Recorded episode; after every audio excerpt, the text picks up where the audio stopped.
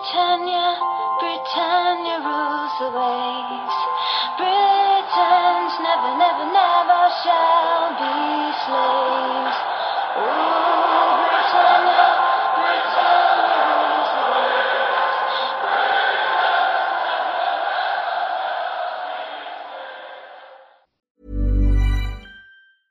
Hiring for your small business? If you're not looking for professionals on LinkedIn, you're looking in the wrong place. That's like looking for your car keys in a fish tank. LinkedIn helps you hire professionals you can't find anywhere else, even those who aren't actively searching for a new job but might be open to the perfect role. In a given month, over 70% of LinkedIn users don't even visit other leading job sites. So start looking in the right place. With LinkedIn, you can hire professionals like a professional. Post your free job on linkedin.com slash people today.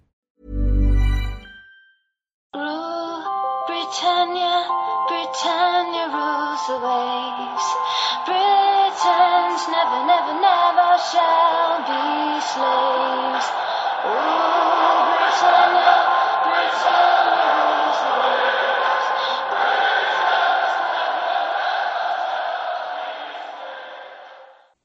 Hej och välkommen till avsnitt 74 utav Svenska FPL-podden. Vi är mitt i Game Week 26 och Eh, det kallade Winter Break. Vi eh, tänkte ändå komma ut med ett avsnitt där vi kanske fokuserar lite på statistiken från årsskiftet fram till nu. Och eh, agendan för det här avsnittet skiljer sig lite mot våra vanliga avsnitt. Vi spelar in onsdagen den 12 februari och vi kommer inte ha någon regelrätt laggenomgång. Det är ju faktiskt bara tre matcher som har spelats hittills. Däremot så Eh, går vi lite kort igenom om det finns något viktigt att säga om något utav lagen. Eh, sen så det som är själva kärnan i detta avsnitt är eh, statistik i djupdykningen. Och sen avslutar vi med några få lyssnarfrågor som har kommit in. Så jag förväntar mig att det blir ett lite kortare avsnitt än vanligt. Men hoppas att det ska vara matnyttigt ändå. Vi tackar Unisport Store, Dynamo Sports och Glenn Sportsbar för eh, partnersamarbete och det fina prisbordet i poddligan. Med det så tänkte jag om vi bara tar de tre matcher som har spelats. Det skulle ju ha varit fyra matcher men eh, City West Ham skapade lite fantasypanik då den ställdes in på grund av rådande vädersituation i London. Nu vet vi dock att den här matchen blev omplanerad och kommer att spelas i Game Week 26 men det blir den sista matchen i Game Week 26 så vi får avvakta lite och se vad som händer där. De matcher som ändå har spelats det är Everton Palace 3-1 till Everton, Brighton Watford 1-1 och Sheffield United Bournemouth. Och eh, jag har inte jättemycket att säga om eh, Brighton Watford och Sheffield Bournemouth men eh, för Sheffield kan vi se att eh, underbara Lord Lundström. Han eh, hänger en avgörande kasse men är fortsatt utanför startelvan. Och enligt mig så är inte det någonting som kommer förändras utan jag tror att Lundström till stor del kommer få agera en eh, inhopparroll. Och jag tycker att man gör ganska klokt i att eh, se till andra Sheffield-försvarare och ta in. Eh, Brighton Watford, ja, eh, samma där. Eh, Mopey i Brighton fick nu andra matchen i rad spela på, eller inleda på bänken. Och det är en del varningsflaggor där och får se om Glenn Murray får hålla den rollen. Oavsett så är det ganska ofördelaktiga spelscheman för både Brighton och Watford här uppkommande så det är kanske inte dit man ska kika i alla fall. Everton och Palace, där, där finns det lite mer att säga. Uh, kanske framförallt om Everton, uh, där, då deras schema blir rejält mycket tuffare. Men man kan med fördel fortsatt backa Calvert Lewin tycker jag. Jag vet inte riktigt Stefan med honom när vi pratar statistik. Jo, men Alex, han finns eh, med i statistiken här. Ja, jag kunde tänka mig det. Eh, vi ska även höja en flagg för rotationsrisk kring både CDB och Holgate som fick inleda bänk nu här senast. Palace å andra sidan, om vi nu pratar om att Evertons spelschema blir rejält mycket tuffare men de har en fin form, så är väl Palace lite tvärtom. De har ett väldigt bra schema men det är ganska få spelare som attraherar å andra sidan. Palace har faktiskt bara vunnit en ligamatch på sina senaste elva matcher. Nu är eh, Kelly även skadad, men oavsett det så skulle jag säga att han redan har tappat sin plats. Så det är väl egentligen det jag har att säga om det. Och Stefan, eh, ska vi hoppa in i den här statistiken? Jo, men det gör vi. Eh, och eh, vi kikar som vanligt på expected goals och eh, framförallt bland forwards och mittfältare. Och sen kollar vi lite mer mot expected goal involvement bland försvararna och även till viss del på vissa mittfältare. Jag har valt att eh, begränsa mig till de fyra senaste gameweeksen, eh, det vill säga 22 till 25. Eh, och det enda man ska ha med sig i den statistiken är att spelare som har varit skadade under den här perioden kommer inte komma med topp 10 troligtvis. Och sen får man ha med sig att Liverpool faktiskt hade fem matcher i jämförelsen då de hade en dubbelomgång i Game Week 24 tror jag att det var. Yes. Eh, så, men eh, topp 10 eh, målfarligaste anfallarna 2020 då. Eh, högst upp på listan så hittar vi Sergio Aguero eh, och eh, det kan man väl eh, lätt lista ut kanske med tanke på hur mycket mål han gjorde i inledningen av eh, året här. Eh, han, had, han har ett expected goal involvement på 4,6. ganska klar ett framför Raúl Jiménez på 3,4. Eh, Jiménez har vi också sett eh, här på slutet, eh, eller framförallt Wolves och Jiménez har varit på framfart. Eh, jag vill minnas att eh, Wolves schema blir eh, ganska bra här snart och de spelar ju Game Week 28 så att Jiménez kan man ju lätt se att det kan vara en bra spelare att äga framöver. bakom de två så får vi gå ner lite i statistiken, hittar ett gäng spelare runt 2,8 till eh, 2,6 eh, i expected goals.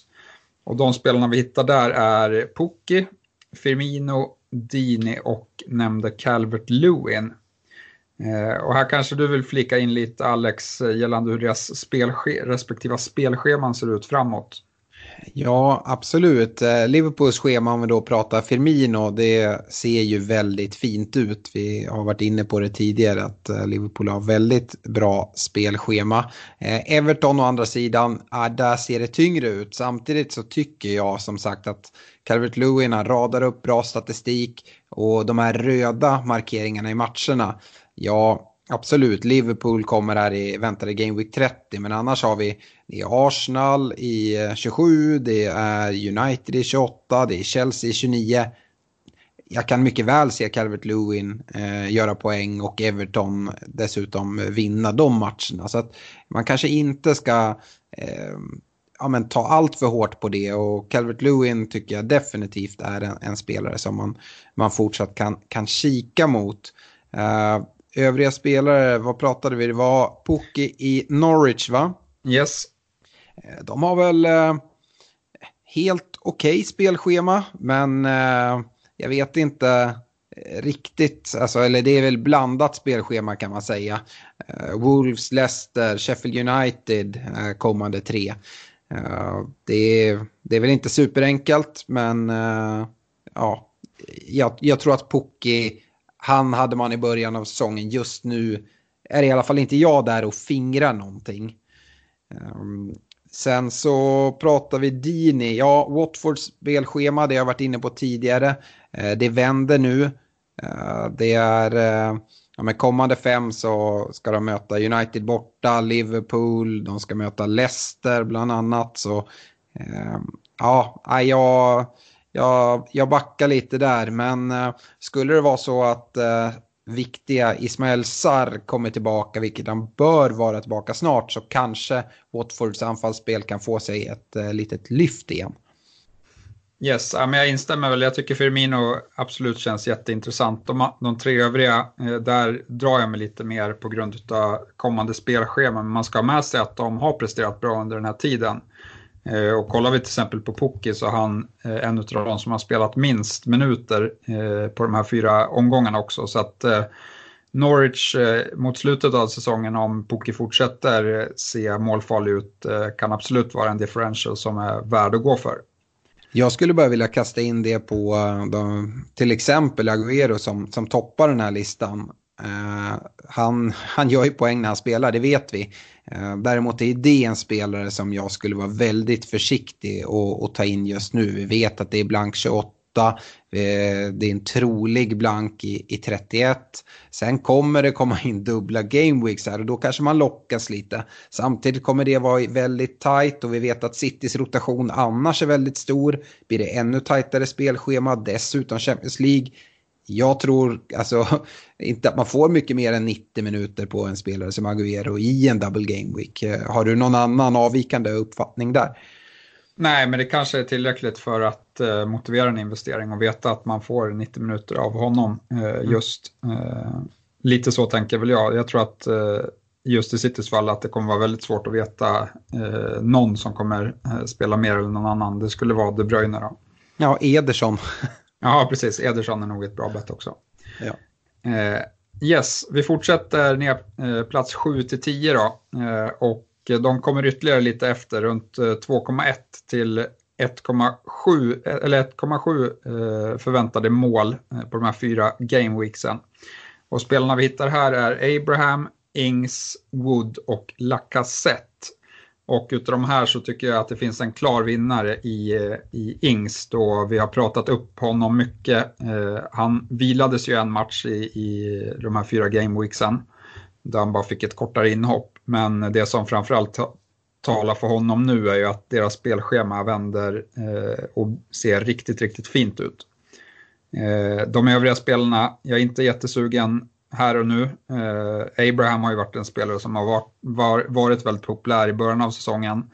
Men Chelseas form och hans egen form har ju, eh, har ju saknats på slutet. Så vi får se om man kan hitta tillbaka eh, mot slutet av säsongen eh, eller om eh, det bara är att fortsätta avvakta med honom. Ja, och med, med Abraham där ska man säga att eh, spelschemat ser däremot ganska lockande ut om eh, Chelsea Ehm, hitta lite form. Nu, eh, nu är det United här i Game Week 26 och Tottenham i, i 27. Absolut inga omöjliga matcher, men därefter så ja, det är City som väntar i Game Week 31. Men annars är det riktigt fint hela vägen eh, en bit in i maj där och faktiskt eh, de sista två omgångarna egentligen bara som, eh, som lite skrämmer. Jag vill i alla fall se Chelsea hur de när de eh, tar sig an Champions League, hur de balanserar den uppgiften och hur det påverkar Abrahams eh, både speltid och form. Instämmer helt. Eh, vi ska väl nämna det också, eh, när vi pratar spelschema så var det en spelare som jag inte riktigt nämnde som du nämnde tidigt och det är Raúl Jiménez. Och, eh, Wolves har ju ett väldigt fint, du var inne på det att det vänder snart och eh, jag skulle säga att det vänder redan nu. Eh, till Game Week 27 så är det Norwich hemma som väntar, en väldigt fin uppgift. Sen så har vi Tottenham borta, Brighton hemma, West Ham borta, Bournemouth hemma. Det är, det är kanonschema tycker jag. Och Wolves, eh, samma där, att eh, kikar man på eh, deras schema även på på lite längre sikt så har vi egentligen ett eh, fint spelschema mer eller mindre eh, in till, till ligaavslutningen. Bland annat har de ju redan mött både City och Liverpool eh, gånger två. Så att de lagen väntar inte. Eh, och nej, jag, jag tycker Wolves är väldigt intressanta och jag tycker att man kan kolla både mot Jiménez men även när vi kommer in på mittfält och försvar finns det intressanta spelare där. Yes. Eh, det var väl egentligen det om eh, anfallarna. Har du något, eh, har du något att tillägga eh, i övrigt Alex? Nej, det har jag inte. Det kanske att vi skulle kasta med Jamie Vardy i en sån här diskussion. Eh, jag vet att det är många som, som har sålt eh, Vardy. samtidigt så är vi många som sitter kvar med honom. Det är den mest ägda spelaren i spelet. Även om han finns i en del Ghost Chips så Eh, det är inte 37 procent Ghost Chips, eh, det är det inte. Och eh, där är en sån ganska stor vattendelare. Nu om vi bortser från Game Week 26 som vi är uppe i så är det City i Game Week 27 och sen så ett väldigt, väldigt fint spelschema för Leicester. Vad säger du där om vi går på dina känslor kring, kring Vardy och Leicester om man nu fortfarande sitter kvar med honom? Jag kan snappa upp honom lite kort i statistiken för jag kan räkna baklänges och se att han ligger på 1,6 förväntade mål eh, trots att han inte är med topp 10 då. Eh, då eh, han har ett eh, relativt högt eh, expected assist eh, på 0,7 eh, vilket forwards inte är kända för att slå assist så de siffrorna generellt är låga. Men han ligger precis utanför topp 10 och som sagt matcherna vänder. Jag tror Leicester utan Champions League-spel här på våren kan komma tillbaka och hitta formen. Det är i alla fall mitt stalltips och så jag har resonerat när jag har behållit eh, Vardy i mitt lag. De spelar ju i den blanka Gameweeken 28 och inte nog med det, de spelar mot Norwich. Eh, så det är ju också någonting man kan ta med i beräkningarna om man inte har gjort sig av med honom än. Ja, absolut. Eh, har man inte gjort sig av med honom nu så då är det ju inte läge att, att sälja skulle jag säga för att 28 står ju bara en omgång bort här. Så att jag hade behållit om man fortfarande äger honom. Mm, nej, eh, I övrigt tycker jag inte det är några forwards som vi behöver prata så mycket mer till. Men jag tycker att Vardy ändå är värd att, att lägga till där i diskussionen. Ja, kan bara nämna att eh, Firmino är den forwarden som har eh, det högsta expected eh, assist, vilket drar upp hans expected goal involvement. Då. Han har 1,2 där. Och ja, det höjer ju bara honom ännu mer med hans allround-spel skulle jag säga. Och är det en anfallare jag tycker att man ska sitta med så är det Danny Ings med uppkommande spelschema. Och Jiménez kanske. Ja, absolut. Eh, bra. Vi går väl vidare till, till mittfältarna och börjar med de målfarliga eh, mittfältarna. Och här har vi en spelare som verkligen sticker ut som nummer ett. Men han har också spelat eh, mest minuter då Liverpool har haft eh, fem matcher. Men eh, Salah har skrapat ihop 3,5 förväntade mål över de eh, fem matcherna då, eh, vilket är eh, riktigt bra. Eh, den, det toppar han överlägset den här statistiken med och tvåan Eh, kvalar in på 2,2 och det är en oväntad tvåa i Leicester i Harvey Barnes. Eh, yttermittfältaren där som har visat eh, fin form på slutet och finns att köpa för endast 6 miljoner. Så betydligt billigare än en spelare som Madison till exempel.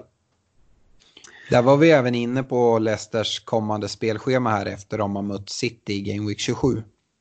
Absolut, eh, det ser ju fint ut och eh, detsamma gäller ju Sala. Så att de här två spelarna är ju högintressanta, eh, dock väldigt olika. Sala är nog en spelare man ska äga här med den här formen och gör ju att han kommer vara väldigt tungt kaptenad i många game weeks framöver och jag hade inte velat gått emot mot det i alla fall.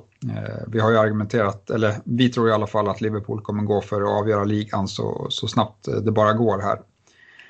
Eh, bakom de här två spelarna eh, så tycker jag väl att eh, det finns ett koppel av tre spelare eh, med runt 1,8 till 1,6 förväntade mål. Och det, där hittar vi Son i Tottenham, Jorginho i Chelsea och Sterling i City. Om vi börjar med Son då så eh, tror jag mig att eh, Tottenhams spelschema är helt okej. Okay. Eh, Son kan man ju förvänta, eller borde man förvänta sig rätt fina siffror här ifrån. Eh, kanske vill se li, ännu lite mer från honom, men jag tror ändå att han, är, han är ägd under 10% så det kan vara en riktigt fin differential om man tror på, på Tottenham. Jorginho inte lika sugen, de här förväntade målen är nog boostade av någon straff Eh, i statistiken här. Eh, men som billig möjliggörare, eventuellt.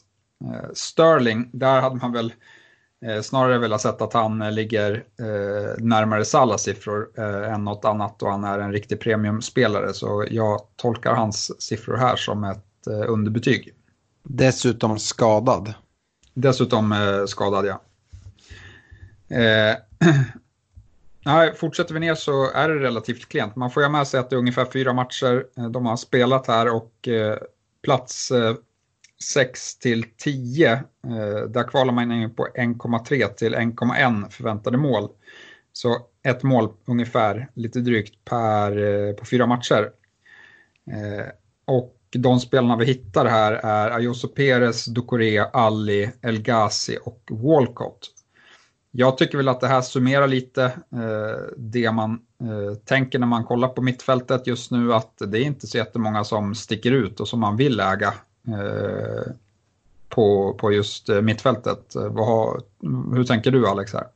Nej, vi har varit inne på det att det är lite svårt eh, och menar även på att om man drar sina, sina wildcard att det är svårt att hitta spelare som man verkligen, verkligen vill ha in. Men eh, jag tycker att vi ska nämna, som jag var inne på tidigare när vi pratade Wolves och Jiménez, så har vi ju Traoré här.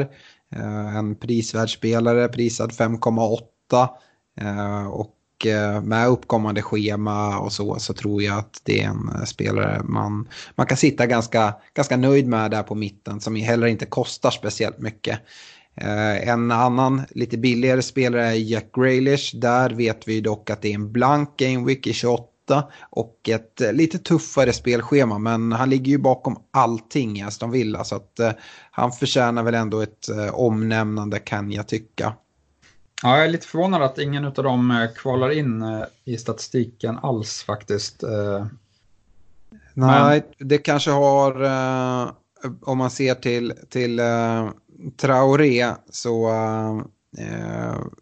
ja, blev ju han utbytt skada där mot, mot United i, i Game Week 25 i alla fall. Men annars har han väl spelat, spelat 90 för det mesta tror jag.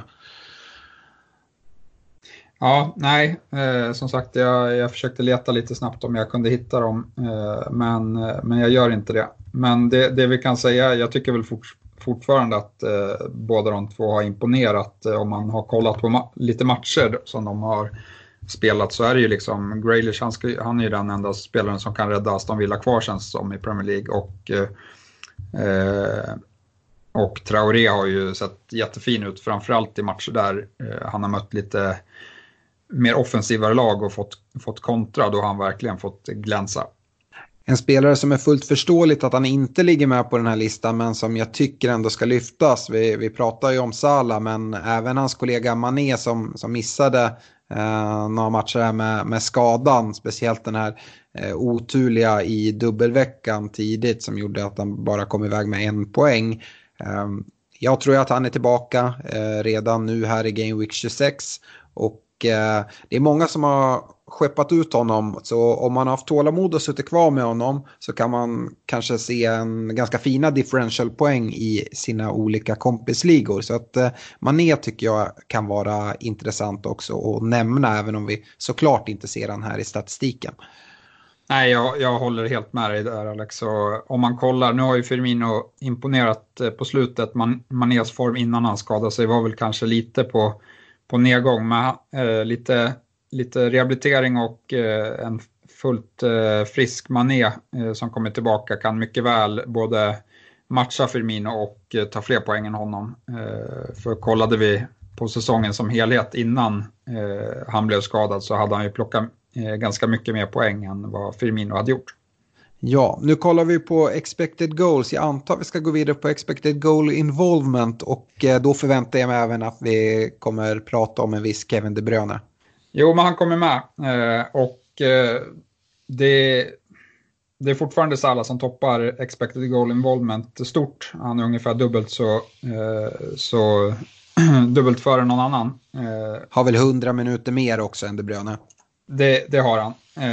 Men, men sen eh, bakom Salah så är det jämnt och det är Harvey Barnes som vi har nämnt, men det, han kvalar mest in på sin målfarlighet. Eh, Sterling kommer på samma som, som Barnes, eh, har eh, lite expected assist i sig, men sen är det ju framförallt De Bruyne som eh, har högst expected assist av, av alla spelare eh, med 1,9, eh, vilket gör att han, att han kvalar in på expected goal involvement som eh, nummer fyra. Och det är väl den spelare jag framförallt vill vill lyfta här eh, på, på expected goal involvement. Jag hittar även in en, en Pereira som jag vet att du inte är så fascinerad av United eh, på, på topp eh, 10-listan faktiskt. Ja, det håller bara borta där. Alltså, han ska inte få någon mer speltid nu med, med, med eh, dels då Bruno Fernandes in i laget men både McTominay eh, tillbaka i träning och en Pogba som gjorde något uttalande här idag om att han hoppas kunna medverka på något sätt mot Chelsea vilket känns konstigt. Jag har sett mest rehab eh, träning på honom men eh, det var ett uttalande som kom här eh, under, under dagen i alla fall. Yes, eh, jag vill faktiskt lämna två till nu när jag kikar lite mer på listan. På plats 9 och 10 eh, i goal involvement så hittar vi Ryan Fraser i Bournemouth och Hudson Odoi i Chelsea. Eh, Fraser tycker jag har sett riktigt fin ut senaste två eh, gameweeksen och han var väl även ett av glädjeämnena för Bournemouth i den matchen som de spelade mot Sheffield också. Där skulle det faktiskt kunna vara så att, eh, att han kan bli något att äga mot slutet av säsongen eh, om det faller in så att eh, Bournemouth har lite fördelaktiga matcher och för vi vet ju att de också spelar för ett eh, nytt kontrakt så att det är mycket som står på, på spets i Bournemouth. Där skjuter jag in direkt då att de här fördelaktiga matcherna de lyser med sin frånvaro. Eh, väldigt tufft kvarvarande spelschema eh, där bland annat då om jag bara ska nämna fram till Game Week 38 som är slutomgången så väntar Chelsea, Liverpool, United, Tottenham, Leicester, City. Eh, och dessutom Wolves borta och det, det är en del tuffa matcher. Jag jag ser egentligen ingen eh, ljusning för, för Bournemouth eh, sett till spelschema och eh, i övrigt så skulle jag behöva ett enormt bra spelschema för att gå in och satsa på en Bournemouth-spelare i, i det här läget. Yes, det hade jag ingen koll på, men då instämmer jag med att eh, hans intresse är lägre. Eh, Hudson Odoi, där pratade vi om att Chelseas spelschema snart blir, blir bättre. Han kommer ju få konkurrera med, med Pulisic när han är tillbaka. Eh, men eh, om han kan visa sig vara första val, eh, då skulle det kunna vara en spelare som är intressant. Yes, eh, jag tycker vi bör stanna upp lite mer vid just Kevin De Bruyne. Eh, det är ju just hur man ska navigera kring de här City-spelarna med Champions League-spel, blanka game weeks och sådana saker. Eh, jag kan tänka mig att det är många som kikar på att göra ett byte från De Bruyne till exempelvis eh, Son. Hur resonerar du till det här? Det är blanka game weeks men det kommer ju även vara dubbla. Ja, jag är väl inne på att byta in Son, som du nämner här. Eller de två Eh, spelarna jag kikar på att byta ut är Graylish och De Bruyne eh, kommande två Gameweeks på grund av Gameweek 28 och de två jag har kikat på att ta in är Traoré och Son. Eh, och det håller jag väl kvar vid än så länge i alla fall. men jag noterar ju att Harvey Barnes även finns där på på mittfältet som jag inte har tänkt så mycket på innan jag drog upp den här statistikgenomgången.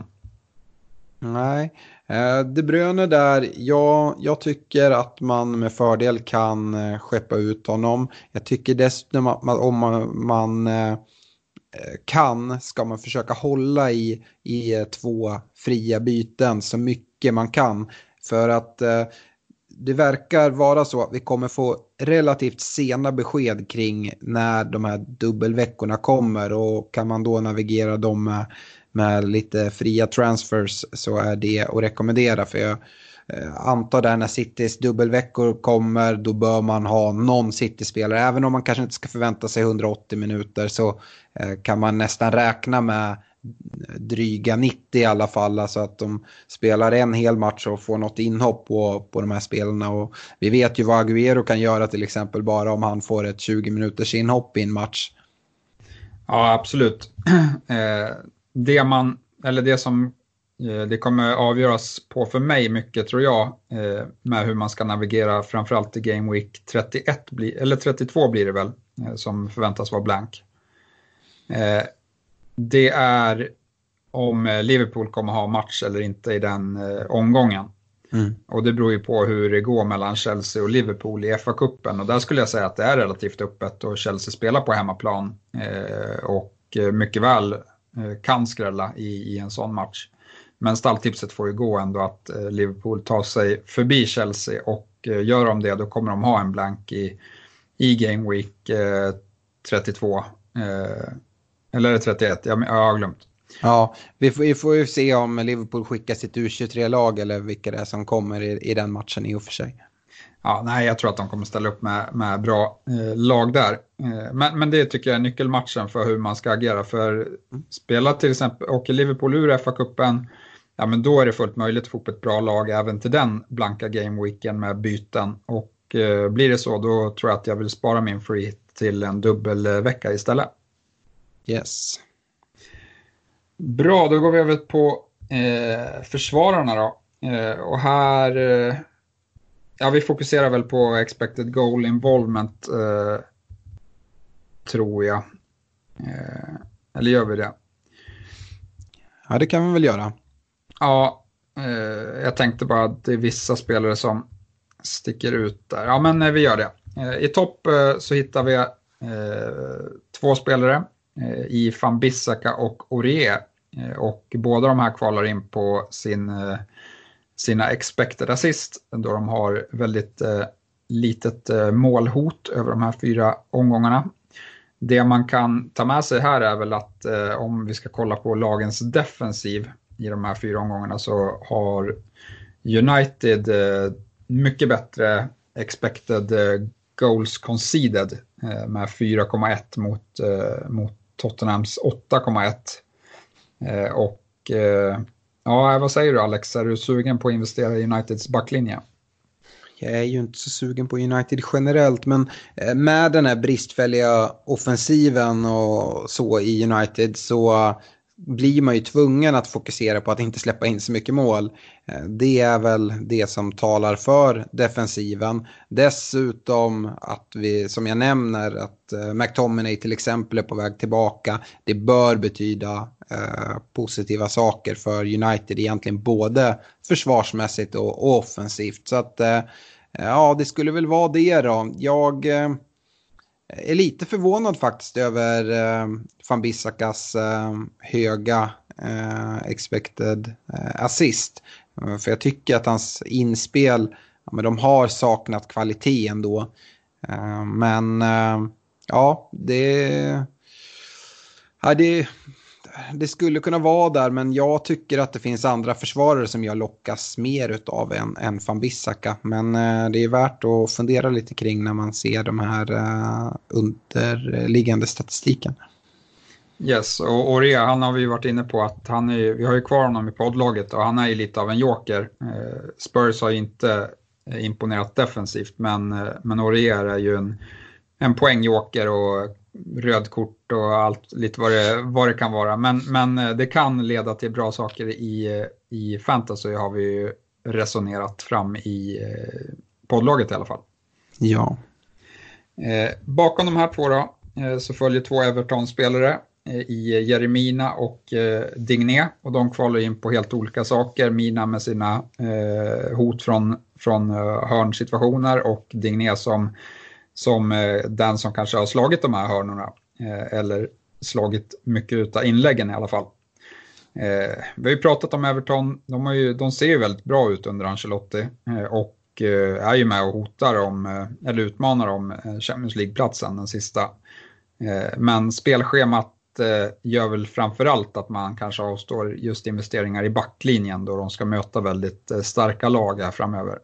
Ja, jag tycker att det är en helt annan situation gällande Calvert Lewin och jag kan se Everton göra mål mot många av de här lagen. Däremot tror jag inte att man ska förvänta sig så mycket nollor och även om vi nu kollar då på expected goals och expected eh, assist och sådana här att Mina och Digné har fina sådana siffror så i grunden vill jag ändå ha känna hyfsad eh, trygghet till bra chans på nollor och det ser jag inte i Everton kommande matcher. Nej, eh, precis. Och därför så är ju intresset ganska svalt från, från både din och min sida där.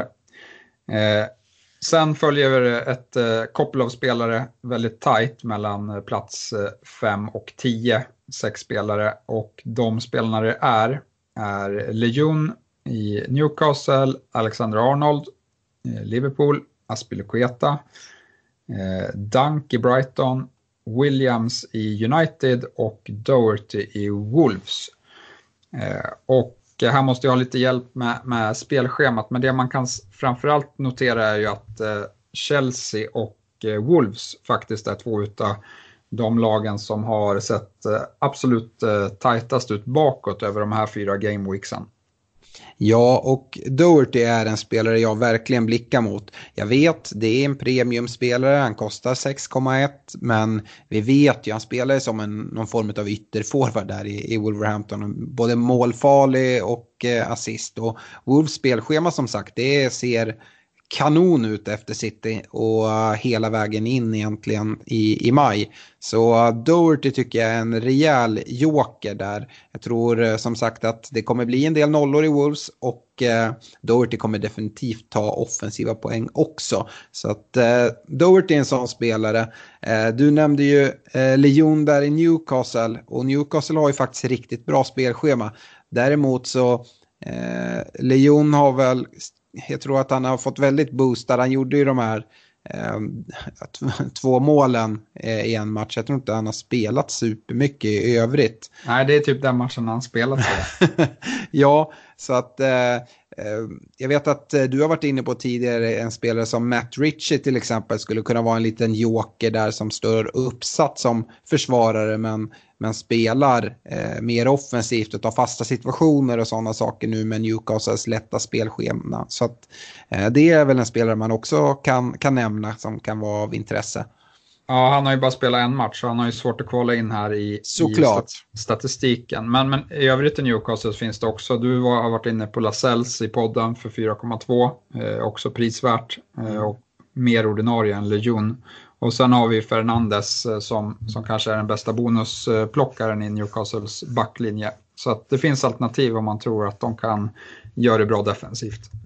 Mm. Och Trent är ju alltid högst upp bland alla försvarare gällande allt. Så att han, ja, och så ja. spelschema på Liverpool dessutom.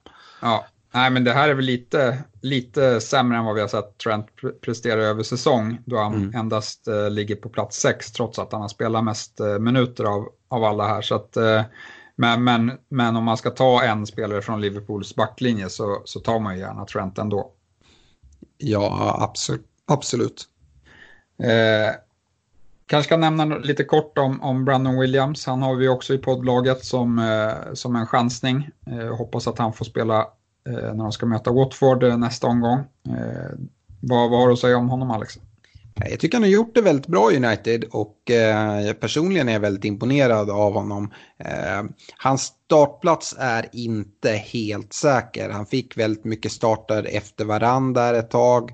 Eh, sen så fick han inleda eh, bänk här mot eh, Wolves och jag tror nej, han fick inget inhopp heller. Eh, konkurrerar ju med Shaw där. Jag tycker ju att Williams bör gå före. Samtidigt vet vi Solskär gillar att spela unga spelare men inte vecka efter vecka utan matchar dem relativt sparsamt eller försiktigt. Eh, och jag tror att han kommer få en, eh, ett gäng starter till den här eh, kvarvarande av säsongen. Men knappast vecka efter vecka. Så det gäller ju att ha lite flyt där. Det är ju en möjliggörare absolut med sin, sin billiga pris. Man ska ha förväntningar därefter.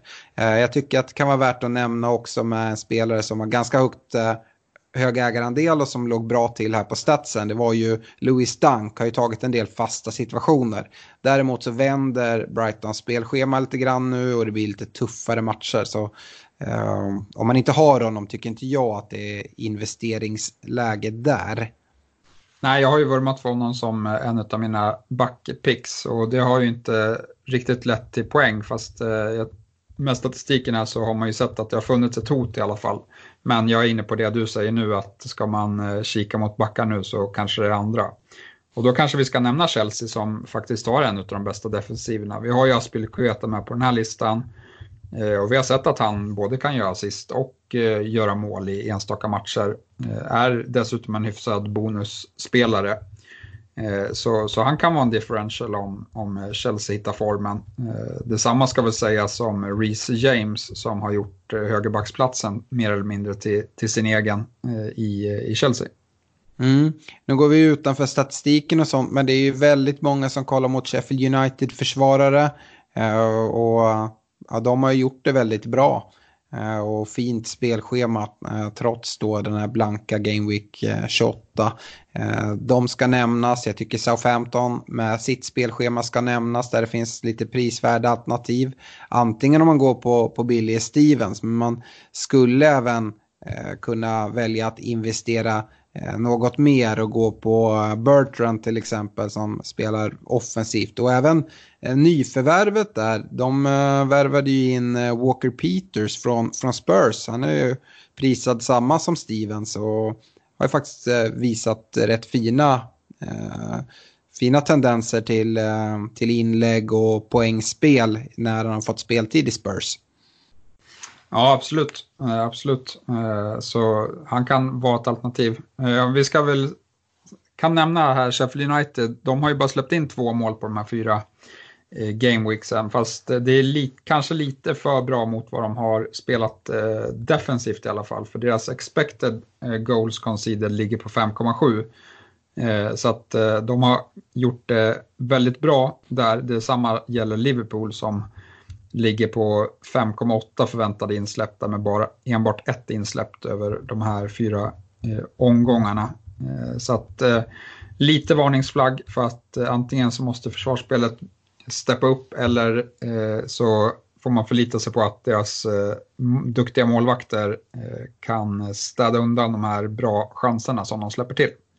Absolut, jag vill bara skjuta in det där också när jag nämnde Walker Peters. Så jag, jag ser hans plats som ganska ohotad. Han eh, värvades ju in som jag måste anse vara en ersättare då till Cedric Suarez som eh, gick till Arsenal. Så att, eh, jag tror Walker Peters kommer ha en startplats i SA-15 och fint spelschema, prisad 4,4.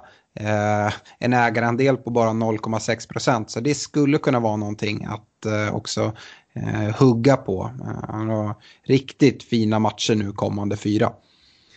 Yes, och när jag ändå sitter med statsen framför mig så kan vi kolla på eh, de lagen i botten här på expected goals conceded, alltså de som eh, verkligen läcker eh, chanser. Och där hittar vi eh, Aston Villa och West Ham, vilket eh, stämmer bra överens med att eh, det är de två lagen som har även har släppt in mest mål.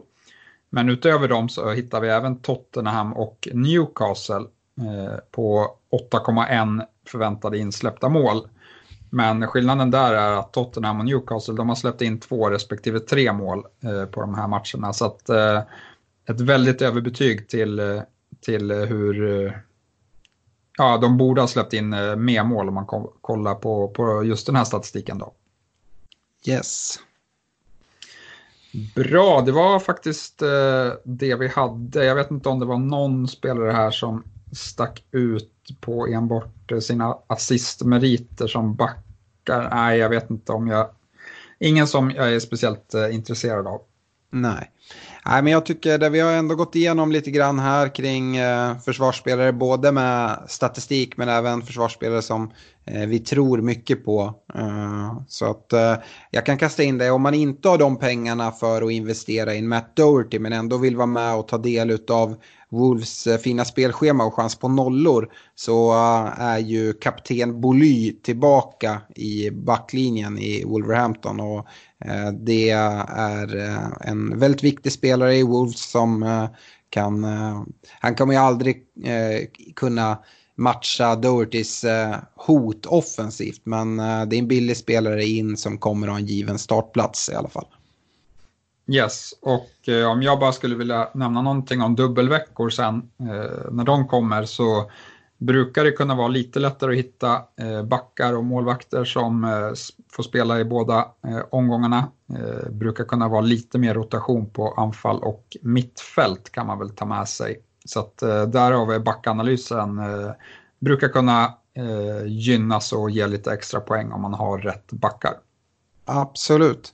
Eh, ska vi avsluta med de här uh, lyssnarfrågorna vi har fått in? Det är inte jättemycket, utan, men uh, tre frågor här tänker jag vi ändå kan, kan lyfta. Uh, börja med Carl Kviding. Han har en fråga som är vad tror ni hade hänt ifall Citys match uh, hade blivit uppskjuten i en vanlig Game Week? Nu kunde de ju sätta in den i Game Week 26 eftersom den är så lång, men vad hade hänt annars? Och det vill bara säga att ja, men det blir en blank game week. Det har vi sett flera gånger tidigare. Eh, Problemet hade ju varit att det blivit extremt tajt schema för, för City att få in den. Så vi hade kunnat se eh, en till double game week eller till och med eventuellt att det trycks in en triple game week. Men eh, ja, nu, nu behövdes ju inte det, behöver ju inte det hända. Eh, är det något annat du vill säga om just det, Stefan? Nej, men som du säger, eh, vi som har spelat några år, vi kommer ihåg, eh, det var någon vinter, om det var 2010, där det snöade bort massa matcher i, i England och eh, där var det obevekligt bara att äh, men det blir blank game week, blir double game week eh, senare på säsong. Så att eh, det har hänt förut. Mm. Ja, jag tror det är många som drog en lättnad, en suck när eh, man kanske har dragit ett wildcard och gått hårt in på City och kanske sitter med både kapten och vice kapten eh, där. Så Ja, nej, nu, nu blir det i Game Week 26. Jag tyckte det var lite tråkigt eftersom att jag enda sitter med Kevin De Bruyne och har bra täckning i övrigt. Men det är väl om vi ska vara helt ärliga det mest rättvisa eftersom det är en ren slumpgrej. Och jag hade varit vansinnig om det varit jag som hade satsat på City. Ja, absolut. Och det kom ju som, som du sa från ingenstans. När det, när det var det här snökaoset då hade man i alla fall lite rapporter på förhand om att vissa matcher var i, kanske i, i riskzonen på att bli inställda. Men det här kom ju liksom på efter deadline på morgonen. Mm. Så att eh, ingen som kunde förutse den. Mm. Eh, vi går vidare. Thomas Tompa Källqvist, han eh, är inne på det du pratade om. Vi pratade ju kort om det, men han kort och koncis fråga. Hej, ska man byta bort Kevin De Bruyne mot Son nu?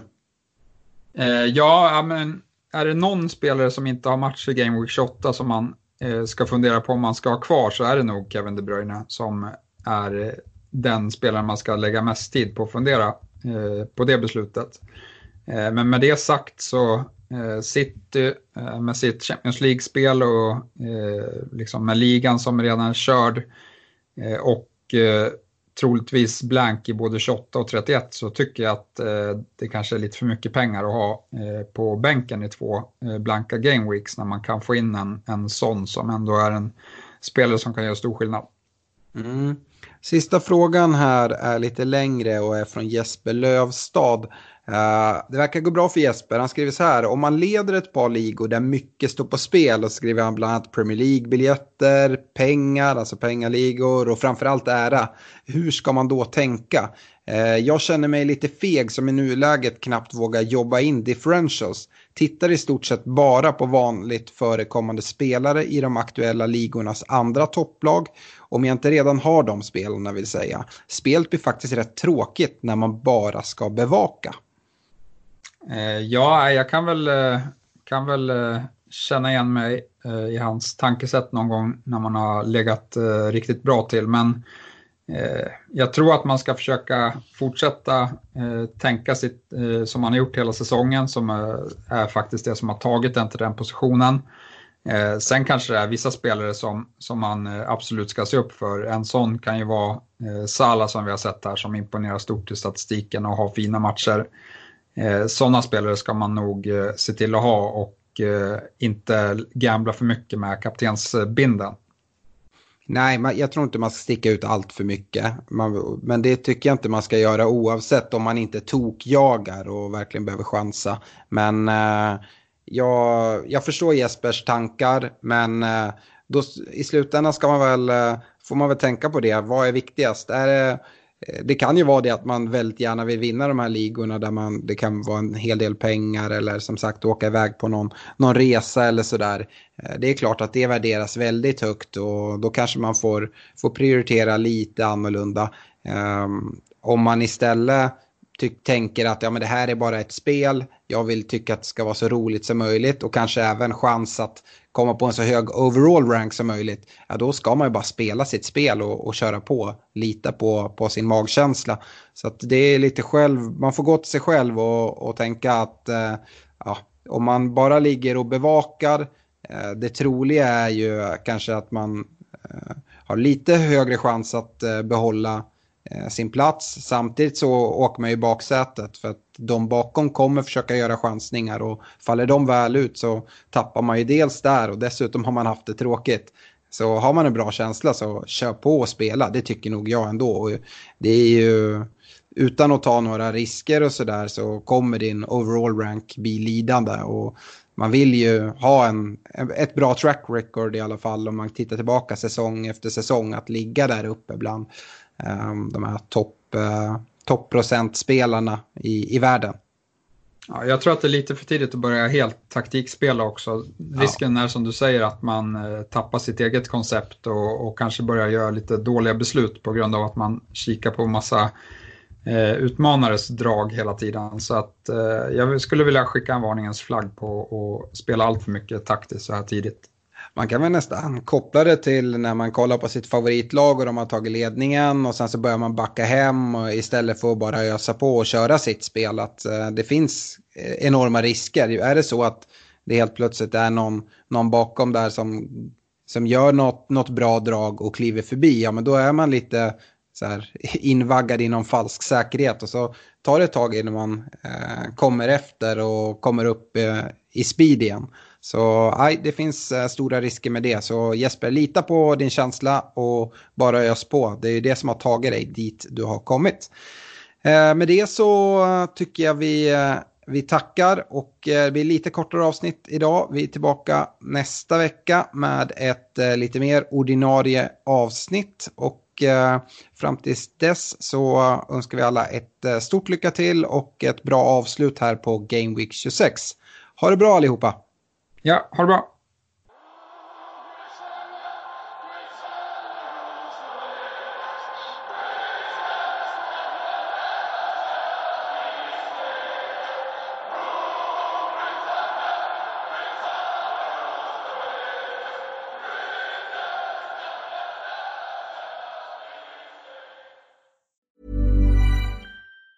Planning for your next trip? Elevate your travel style with Quince. Quince has all the jet setting essentials you'll want for your next getaway, like European linen, premium luggage options, buttery soft Italian leather bags, and so much more. And is all priced at 50 to 80% less than similar brands. Plus, Quince only works with factories that use safe and ethical manufacturing practices. Pack your bags with high-quality essentials you'll be wearing for vacations to come with Quince. Go to quince.com/pack for free shipping and 365-day returns.